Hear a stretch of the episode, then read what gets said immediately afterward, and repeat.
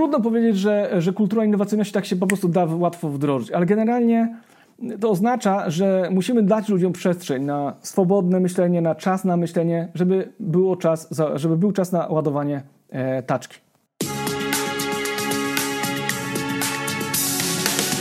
To jest podcast na zdrowie organizacji, którego celem jest dzielenie się ideami wspierającymi firmy w rozwoju. Cześć, witajcie na kanale podcastu na zdrowie organizacji. Tutaj rozmawiamy z moimi gośćmi o tym, jak mądrze rozwijać firmę. Nazywam się Maciej Sasin i jestem konsultantem rozwoju organizacji, ale także trenerem i coachem. Wspieram firmy w osiąganiu dojrzałości biznesowej. Pomagam im przechodzić kryzysy w rozwoju. Moją misją jest budowanie zaangażowania pracowników. Do podcastu zapraszam trenerów, konsultantów, menedżerów, właścicieli firm, czyli wszystkich tych, którzy mają doświadczenie w przełamywaniu ograniczeń, które towarzyszą rozwojowi każdej organizacji. Zapraszam do słuchania, obserwowania i komentowania. Macie Sasin.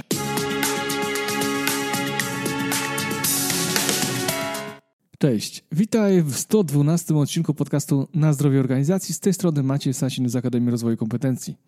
Dzisiaj kontynuuję temat zarządzania wiedzą w organizacji, koncentrując się na temacie budowania kultury organizacyjnej wspierającej właśnie zarządzanie wiedzą, a jednocześnie wspominam też kilka słów na temat skutecznego i efektywnego onboardingu. Odcinek ten jest częścią webinaru, który odbył się w październiku i zgodnie z ideą microlearningu zamieszczam kolejny jego fragment.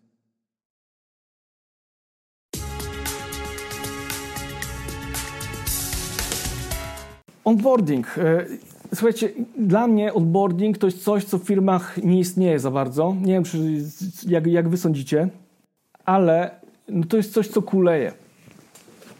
A jednocześnie narzekamy na rotację pracowników, czyli nie wdrażamy pracowników, nie przekazujemy jej tej kluczowej, kluczowej wiedzy, a jednocześnie mówimy, no tak, oni są niekompetentni, radzą sobie, nie mogą obczaić naszego systemu.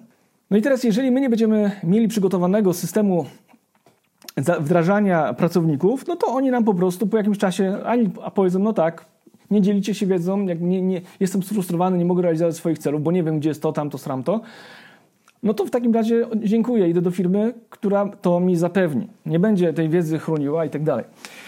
Mamy też takie poczucie, no tak, jak podzielę się wiedzą, to, to firma się zamknie, ukradną nam. Oczywiście pewne rzeczy, może tak, jakieś ważne patenty i tak dalej, ale zazwyczaj procesy, procesy to jest coś, indywidualnego dla firmy. To, co je, je, sprawdza się w jednej firmie, niekoniecznie sprawdza się w drugiej. Taka ciekawostka. McDonald'sowi w latach 60. skradziono wszystkie procesy E, firm, firmowej co się stało? Nic.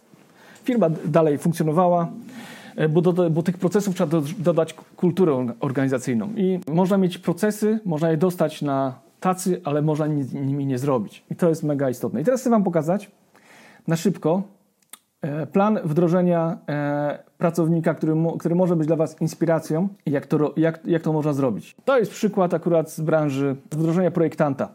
I tu mamy y, przede wszystkim działania przed przyjściem do pracy, takie sobie pierdoły, ale uwierzcie mi, że często to nie działa. Czyli telefon, sprzęt, komputer, drukarka, podłączenie, żeby to wszystko gdzieś tam było pod ręką. Później zapoznanie z pracownikami i z firmą, kto to robi, kiedy to robimy, czyli tu mamy rozpisane pierwszy dzień pracy, opiekun, właśnie tu mam wyznaczonego opiekuna tego, tego pracownika. Spotkanie z założycielami firmy, którzy opowiadają o firmie, o jej filozofii, o o tym, e, co jest dla nich ważne w firmie. Później omówienie e, zakresu obowiązków. No kolejność oczywiście jest nie, nie, jakby nieistotna. I tu mamy znowu e, omówienie zakresu obowiązków i tu mamy wszędzie linki do dokumentów, które są potrzebne przy wdrożeniu. Omówienie zakresu obowiązków, dalej oprowadzenie po ekspozycji. No ale później to też myślę, że ważne, żeby e, zweryfikować praktyczną wiedzę osoby do, do, w obsłudze programu, tego do projektowania, który w tej firmie jest. No i później zlecenie przygotowania takiego szkoleniowego projektu na przykładzie aktualnych klientów, po prostu na sucho robienie pewnego projektu w oparciu o pewne wytyczne, żeby ta osoba mogła poćwiczyć i, i zobaczyć, zapoznać się z wszystkimi jakby ważnymi kwestiami przy projektowaniu. Później mamy poznanie specyfiki marek, które firma e, produkuje. Tu też wszędzie mamy odniesienia do tych, do tych stron, omówienie działania CRM-u, No i tu, i, i tu wszystko to jest rozpisane wszystko na, na role, na osoby, e, na, na, na to, kiedy ma to być zrobione, roz, rozłożone w czasie i tak dalej, i tak dalej. E, co w przypadku, jeżeli nie ma, nie ma kultury organizacyjnej? No tutaj muszę odpowiedzieć przekąs, z przekąsem. Każda, kultura, każda firma ma kulturę organizacyjną, tylko może mieć czasami, że tak powiem, kulturę wandala, taką, albo kulturę chamską, czyli taką niekonstruktywną, brzydko powiem. E, brzydko powiedziałem, no ale tak czasami jest, e, że e, no, każda firma ma kulturę, ale nie każda taka kultura jest konstruktywna. No i teraz jestem ciekaw, czy wy y, macie. Mm, tak, znaczy ja, y, y, ja, pomagam firmom zarządzać, zarządzać wiedzą i zaraz wam też pokażę jeszcze narzędzie, które sam jestem w trakcie opracowania, też będę ciekaw waszej opinii. Ja pomagam firmom budować tą wiedzę, jakby mm, przygotować jakby ten proces, bo często firmy nie mają czasu, no ale no, gdzieś tam tak, pomagam, pomagam to ułożyć całe to wszystko w, w całości, że tak powiem żeby nie powiedzieć, albo to powiem, do kupy, żeby to zebrać. Dobra, ale słuchajcie, idziemy dalej. Mamy onboarding. No i teraz przechodzimy właśnie, bo to jest element, to, to, to co powiedzieliście, kultura, to, co, to, co tutaj padło z kulturą organizacyjną w dobrym momencie. E, bez e, kultury organizacyjnej nastawionej na zarządzanie wiedzą, no można się, że tak powiem, zahakać. E, czyli jeżeli nie ma poparcia w kierownictwie firmy, żeby świadomie zarządzać wiedzą, to się wiele nie uda. Dlatego kulturę organizacyjną powinniśmy włączyć, e, czy przepraszam, zarządzanie wiedzą, uczenie się firm, firm powinniśmy włączyć taką bieżącą jej pracę, bieżące funkcjonowanie. Kilka takich narzędzi. Po pierwsze, musimy wdrożyć kulturę uczenia się na błędach, e, poszukiwania rozwiązań, a nie poszukiwania winnych. I to już jest dużo. Jak już to ogarniemy, to, to jest super. I teraz tak, idąc dalej, e, kultura lean management, czyli ciągłe doskonalenie Kaizen bardzo potrzebne, e, żeby mieć taką świadomość, żeby, że mała rzecz, 5 minut dziennie, 10 minut dziennie, oszczędzone, udoskonalone, rocznie daje nam e, no 10 minut to jest e, około 3 dni, 30 minut to na pewno z 2 tygodnie, 20 dni pracy uwolnionego. O właśnie, Mirka, bardzo z każdym nowym pracownikiem program się rozwija. Dokładnie, bo też jak wdrażamy człowieka, no to po onboardingu musimy go zapytać, słuchaj, jak ty czujesz, czy, czy daj nam informację zwrotną, co było ok, co było nie ok, żebyśmy mogli ten proces usprawnić, żeby tą wiedzę, żebyś tą wiedzę przyswoił e, lepiej, szybciej, mądrzej. Idąc dalej, kultura agile, czyli zwinne zarządzanie projektami, takie reagowanie na bieżąco, dostosowanie się do, do, do zmian, które są e, w otoczeniu biznesowym, w otoczeniu firmowym i tak. To się wzięło z IT, ale, ale generalnie można powiedzieć, rozpieszło się teraz na wszelkie inne działy, bo wszyscy żyjemy w WK świecie, czyli takim świecie złożonym, niejednoznacznym, nieokreślonym, no generalnie skomplikowanym. Więc tutaj kultura agile jest pomocna, no bo to też ona uczy nas tego, że małymi kroczkami codziennie doskonalimy. Komunikujemy się codziennie, podsumowania robimy w tygodniu, co tydzień, większe co miesiąc i mamy osoby, które są odpowiedzialne i cały czas codziennie się wspieramy e, w rozwiązywaniu e, problemów. Idąc dalej, stricte zarządzanie procesami, czyli mamy tego właśnie proces ownera, czyli osobę, która określa wspólnie albo samodzielnie proces i go cały czas optymalizuje, czyli co możemy zrobić inaczej, lepiej, mądrzej, żeby ten proces zaczął działać. No i też ostatnie, o czym chcę powiedzieć, to wdrożenie kultury innowacyjności. Czytam książkę ostatnio o szczepionce, jak firma BioNTech i Pfizer, e, czy właściwie BioNTech, bo to stworzyły szczepionkę i słuchajcie, ciekawostka, nad szczepionką zaczęły pracować, zaczęli pracować już jeszcze nas nie było lockdownu, już w styczniu 2020 e, roku, intuicyjnie podejmując decyzję, że będzie to duży problem dla dla całego świata, bo wiedzieli po prostu, co to jest za wirus i co, mo co może się wydarzyć. A ciekawostka jest na tym, że tak naprawdę firma y, budowała, y, czy cały czas buduje, albo budowała, teraz nie wiem dokładnie, na pewno to jeszcze robi, lek na raka, tak, który właśnie y, ma być dostosowany do, każdej, do, każdej, do każdego chorego, czyli jakby takie elastyczne podchodzenie do, do, do osoby chorej. I znaleźli rozwiązanie problemu koronawirusa właśnie w zupełnie, wykorzystują tą swoją cząsteczkę mRNA, która no i musieli po drodze rozwiązywać problemy, które się tam wydarzyły, ale polecam Wam tą książkę, bo to jest też lekcja zarządzania jakby i też e, lekcja właśnie jak pobudzać innowacyjność w firmie. Trudno powiedzieć, że, że kultura innowacyjności tak się po prostu da łatwo wdrożyć, ale generalnie to oznacza, że musimy dać ludziom przestrzeń na swobodne myślenie, na czas na myślenie, żeby, było czas, żeby był czas na ładowanie e, taczki. Jak już e, mamy, ten, e, kult, mam tą kulturę, no to e, idąc dalej, potrzebne są wnioski z doświadczeń pozytywnych i negatywnych. I teraz mamy tu przykład, taki humorystyczny obrazek mm, z zarządzania projektami, gdzie właśnie pokazane jest, jak ten zarządzanie projektami wygląda w praktyce. Nie? Czyli zupełnie ten pierwszy obrazek to jak klient przedstawił swoją, swoją potrzebę, później jak projekt, projekt manager zrozumiał klienta, później e, jak analitycy zaprojektowali projekt, później jak programista napisał program, tak dział sprzedaży ten fotel sprzedał e, projekt klientowi. Co było dokumentowane, to widać, że nic. Co otrzymał klient, za co zapłacił, no i E, jakie, jakie wsparcie otrzymał, a na koniec czego potrzebował. Mam nadzieję, że ten obrazek jest widoczny, ale to de facto, słuchajcie, na każdym etapie popełniamy błędy. I teraz w zarządzaniu projektami jest coś takiego właśnie jak lessons learned. I teraz chodzi o to, żeby na każdy etap, za każdym razem udoskonalać, tak żeby tych błędów nie popełniać. Tylko problem polega na tym w zarządzaniu projektami, że jak sami menedżerowie od zarządzania projektami mówią, co mówią? No nie ma czasu robić lessons learned, bo nie ma czasu taczki załadować, bo kolejny projekt jest, trzeba gonić. No i tak to w praktyce wygląda. Że wiemy, że powinniśmy coś zrobić, a nie robimy tego, bo nie mamy na to czasu. I to jest jakby dla mnie to jest tragedia e, dzisiejszych czasów, w których żyjemy, że mamy dostęp do wiedzy, mamy dostęp do na YouTubie jest Uniwersytet YouTube, a my często nawet tam nie zajrzymy, bo nie mamy czasu. A jakbyśmy to zrobili, albo możemy słuchać podcastów, możemy robić milion rzeczy za darmo, po, po, po, e, zdobywać wiedzę, ale tego często nie robimy, bo nie ma, bo nie ma czasu. Nie? Takie, takie szalone czasy. No właśnie, e, więc co można robić? Przede wszystkim uważam, że każdy projekt trzeba podsumować, wyciągnąć e, z niego wnioski. I te dobre, i te do, popra- i te do poprawy, bo te dobre powinny też wejść w naszą rutynę stworzyć na tej bazie kodeks dobrych praktyk w jakimś tam obszarze, czy w trakcie wykonywania e, działania, żeby, żeby nie było tak, że ja coś widzę jako szef i na, na przykład tak, i wiem, że to ma sens, że tak trzeba to robić, powiem to jednemu pracownikowi, ale nie przekażę to innym, no i on będzie wiedział, a reszta nie będzie o tym wiedziała, że tak e, to trzeba robić. No tu są potrzebne tak naprawdę cykliczne spotkania Czasami codzienne, czasami raz w tygodniu wystarczy, czasami raz na miesiąc wystarczy. Wszystko zależy od tego, jaką mamy specyfikę pracy. Na przykład w Agile'u, w y, programowaniu tak zwane stand-upy są codziennie, a, y, czyli takie krótkie 5-10 minutowe, a na koniec dnia też jest takie 5-10 minutowe spotkanie podsumowujące dzień, a czasami po drodze są jeszcze krótkie też spotkania, które E, no, mają na celu rozwiązywanie problemów. Nawet, no, nawet jest do tego specjalna osoba dedykowana, która ma zarządzać tym pracą tego, pracą tego zespołu.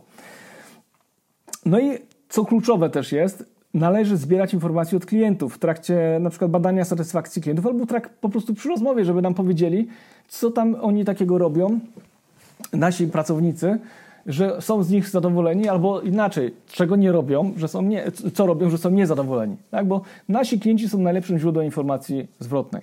To też jest warto, żeby właśnie te lekcje wyciągać. Na koniec prawie tej, tej checklisty są dopiero warsztaty, treningi, coachingi, czy narzędzia rozwojowe, które mają e, ten transfer wiedzy firmowej udostępnić, znaczy umożliwić. No i dlaczego to dałem na koniec? Pracuję w tej branży już dobre 20 lat większość problemów, które, do których zwracają się klienci, nie da się rozwiązać szkoleniami. Ale jest taka próba. E, dlatego, że zmiana nie odbywa się na szkoleniu, nie odbywa się na sali szkoleniowej. Zmiana odbywa się w ciągu pracy. I teraz pytanie, czy co my zrobimy z tą wiedzą, którą się dowiedzieliśmy? Czy ją włączymy do naszej pracy, zaimplementujemy, e, czy po prostu będzie takim mikroskopem trzymanym w szafie, o którym zapominamy, że jest, a często po takich właśnie, ostatnio miałem takie szkolenie, gdzie jedna z refleksji właśnie brzmiała tak, no rzeczywiście, niby to wiemy, ale tego nie robimy. No i właśnie, tak to niestety jest. Tak to niestety jest. Wiemy, ale nie robimy. Wiemy, ale nie robimy. Pytanie, dlaczego tak się dzieje?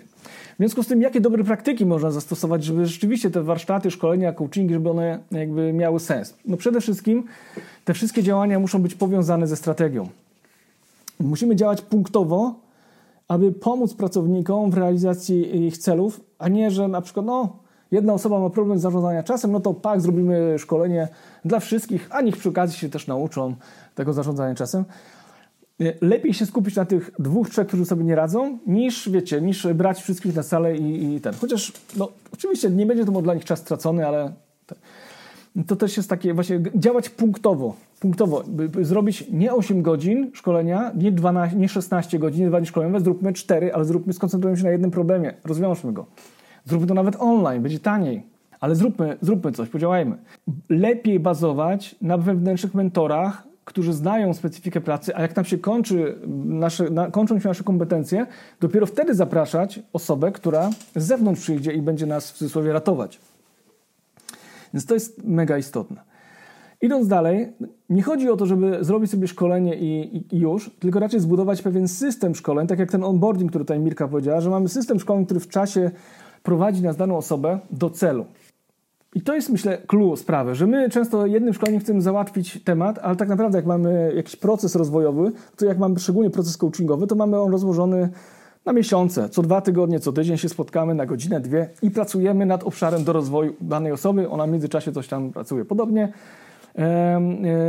jak chcemy jakiś proces usprawnić w firmie. Bardzo często jedno spotkanie nie wystarczy, trzeba tych spotkań, żeby było 3, 4, 5, ale żebyśmy mieli w ogóle czas na to, żeby się spotykać, żeby usiąść, pogadać, wymienić się doświadczeniami. Tak jak właśnie teraz w sobotę miałem szkolenie i właśnie ktoś kurczę wpadł na taki, ej, właśnie, my musimy zrobić spotkanie, bo my ostatnio wypracowaliśmy e, ileś tam pomysłów na to, ale nie było czasu się spotkać, żeby przegadać, bo tam chcemy coś z wami sobie ustalić z innym działem. Więc, e, więc właśnie e, kto, dopiero na szkoleniu komuś zaświtało. Kurczę, no rzeczywiście, coś tam było do zrobienia. Nie? Ten, pro, ten proces, system szkoleń powinien uwzględniać nasz, na zmiany, na specyfikę naszej pracy, i tak zwane, i tak te twarde kompetencje procesowe, można powiedzieć, takie twarde, no, no, które jakby są istotne z perspektywy prowadzenia na, naszej jakby merytorycznej pracy, ale też te miękkie, które pomagają realizować tą pracę w sposób, we współpracy z innymi ludźmi czy z klientami. No i myślę, to co jest ważne, właśnie szkolenia mają wspierać kulturę organizacyjną. E, to znaczy, że E, że możemy sobie robić szkolenia mm, z przywództwa, ale jeżeli e, mam kulturę organizacyjną, która bazuje na, na autorytarnym stylu zarządzania, to możemy siedzieć na sali rok, a nic z tego nie wyjdzie, bo jak wrócimy do pracy, to wszystko, bo wszystko, się, wszystko wróci do normy. Więc e, szkolenia powinny wspierać kulturę organizacyjną, a czasami ją wręcz e, budować, czy bywa, mają być takim zalążkiem do tego, żeby tą kulturę e, podtrzymywać. Czyli na przykład, jeżeli chcę zbudować system szkoleń, takich albo nie szkoleń, tylko spotkań w firmie, które będą na przykład wspierały pracę twórczą, innowacyjną, no to fajnie, żebym zrobił szkolenie właśnie z takiego kreatywnego rozwiązywania problemów, wyzwań. Tak? Jeżeli chcę wdrożyć kulturę Lean, to fajnie zrobić na przykład szkolenie zarządzania czasem, ale które będzie właśnie tą kulturę Lean uwzględniało. A nie, żeby to było coś zupełnie innego, coś niepowiązanego z, z tym obszarem. Więc tutaj lepiej tą samą wiedzę wałkować na, na różne sposoby. Dziękuję za wsłuchanie 112 odcinka podcastu Na zdrowie organizacji. Mam nadzieję, że temat zarządzania wiedzą jest też dla Was interesujący, tak bardzo jak ja się nim interesuję, ponieważ uważam, że dzięki temu można zbudować przewagę firmy nad konkurencją. Natomiast już niedługo będę ogłaszał, właściwie już ogłaszałem, ogłaszałem wstępnie e, fakt, że pracuję nad aplikacją, która właśnie pomoże w zarządzaniu wiedzą i jednocześnie będzie napełniona po granicę wiedzą, e, która pomoże tak naprawdę funkcjonować wszystkim działom w firmie. Od marketingu, przez sprzedaż po HR, przez menedżerów. To będzie aplikacja, która nazywa się Ask Mentor i dzięki niej będzie można otrzymać cykliczny dostęp do informacji e, aktualnych informacji, cały czas aktualizowanych na temat tego, jak skutecznie zarządzać firmą, jak skutecznie budować e, organizację, jak lepiej zarządzać ludźmi, jak lepiej sprzedawać, jak obsługiwać klienta, jak radzić sobie z różnymi wyzwaniami, które na tej drodze są. Więc na bieżąco będę Was informował. Mam nadzieję, że mm, tym razem jednak będę bardziej regularny. Ostatnio naprawdę mam bardzo dużo pracy i nie nadążam za, z nagrywaniem tego podcastu, ale cały czas sobie obiecuję, że wrócę do tygodniowej cykliczności, chociaż szczerze mówiąc, co dwa tygodnie to będzie dla mnie na tym etapie i tak dużo. Zatem bądźmy w kontakcie, obserwujcie dalej ten podcast, mimo tego, że nie jest tak regularny jak był wcześniej. Postaram się, aby był. A tymczasem zapraszam do wysłuchania kolejnego utworu, który napisałem chyba z 22 lata temu, a ostatnio wziąłem się za nagrywanie, odgrywanie tych starych utworów. Realizuję w ten sposób swoją pasję, odpoczywam, co Wam też doradzam, żeby mieć coś na boku. Nie tylko firma się liczy. Dobrego odbioru i na zdrowie organizacji. Macie Sasin.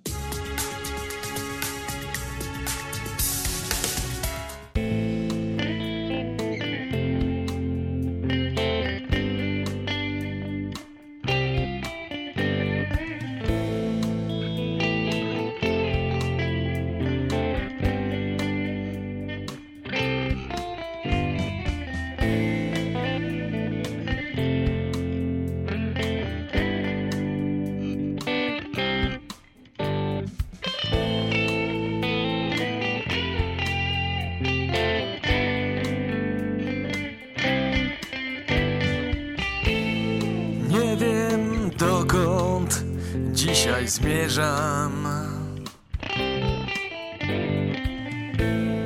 Dokąd jutro będę szedł.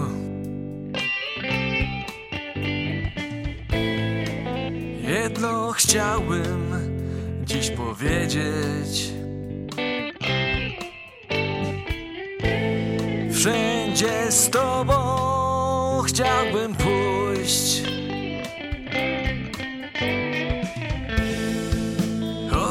droga ciemna jest i zakręty ma nieznane.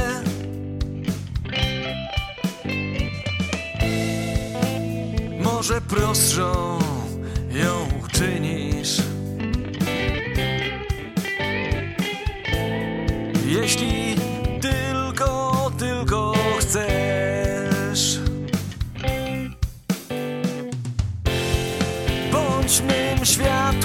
Ciemną nocą.